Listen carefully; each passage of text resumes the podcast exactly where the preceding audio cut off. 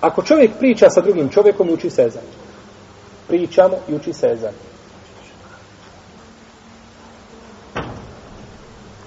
I ponavljamo.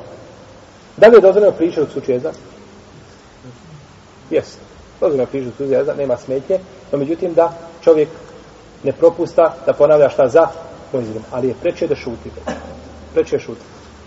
Jer ne može čovjek nikako i pričati s čovjekom i biti skoncentrisan na priču i da stalno da ponavljaju za mojzidom. To je jako teško. Nemamo dva možda na centru. Imamo jedan. Tako da je teško, znači čovjeku da ponavlja šta? Selam. Da ponavlja znači za mujezinom i da i da priča sa nekim. Mnogi šehovi su prekidali učenje Kur'ana kada se kada se uči ezan i, i ovaj ponavlja za mujezinom. Pa kako onda da čovjek da prekide šta? Priču. S tim znajući da je bolje sjediti i poučavati se znanju nego ponavljati za mujezinom. Kad bi sjedli ovdje poučavali se znanju, čitali petve u leme, to je preče nego da ponavljamo šta za mujezinom. No, međutim, neka ulema kazala, budući da je ponavljanje za mujezinom i badet čije vrijeme prolazi, ako uhvatiš, uhvatiš. Onda je preče šta? Stati i uzeti taj ibadet, jer ti možeš i nakon toga nastaviti šta? Govoriti petve i pričati. Pa kaže, ovo je ibadet čije vrijeme prolazi, moraš ga stići u vremenu, jer ako ti prođe, gotovo je. Osim u slučajima, spomenut ćemo kako ide nakon toga.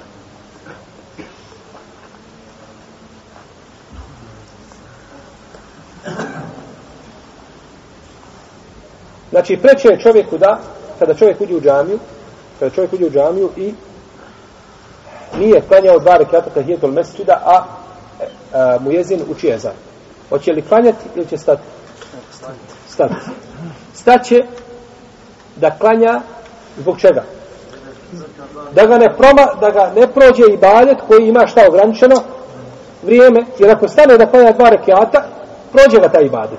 A ovako može dobiti šta jedno i drugo, prcačke. Znači, da on nema jasnog argumenta u širitu da mi kažemo Allah poslanik sallallahu sallam je rekao ako se desi tako i tako, nema.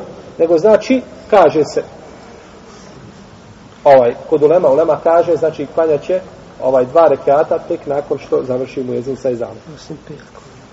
Osim petkom, kada, kada je u pitanju drugi jezan, gdje se uče dva jezana, a to je kod većine danas muslimana se uče dva jezana za džumu, tada čovjek neće, kada dođe drugi ezan, neće čekati da se završi. Jer imam počinje sa hutbom i nakon toga imam klanja, on, imam, ovaj, drži hutba, on klanja. To je neka onama zabranila. Ispravno mišljenje da se može klanjati hitom mjesecu u svako vrijeme i, i, i za vrijeme ovaj, kada je imam na, na mimberi. No, međutim, slušanje hutbe je vađib. A ponavljanje za imamom je šta? Sunnet, pa se ne smije ostaviti sunnet zbog vađiba. I ome slučaju će čovjek klanjati. I ome slučaju, slučaju će čovjek klanjati, neće, znači, neće čekati da završi ezan. Kada bi čovjek pored muezina, muezin uči, pored, čovjek pored njega kihne i kaže alhamdulillah, smije li muezin, muezin kazati, irhamuke Allah? Smije.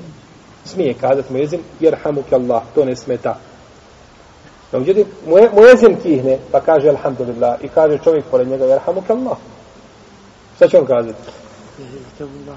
Jehdikum Allahu yuslihu balakum. Odgovorit će normalno, znači nema nikakve, nema nikakve smetnje.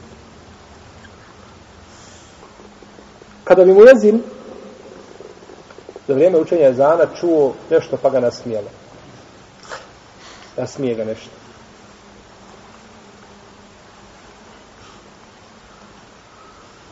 Da li će to pokvariti njegov vezan? Uči jezan i nasmije.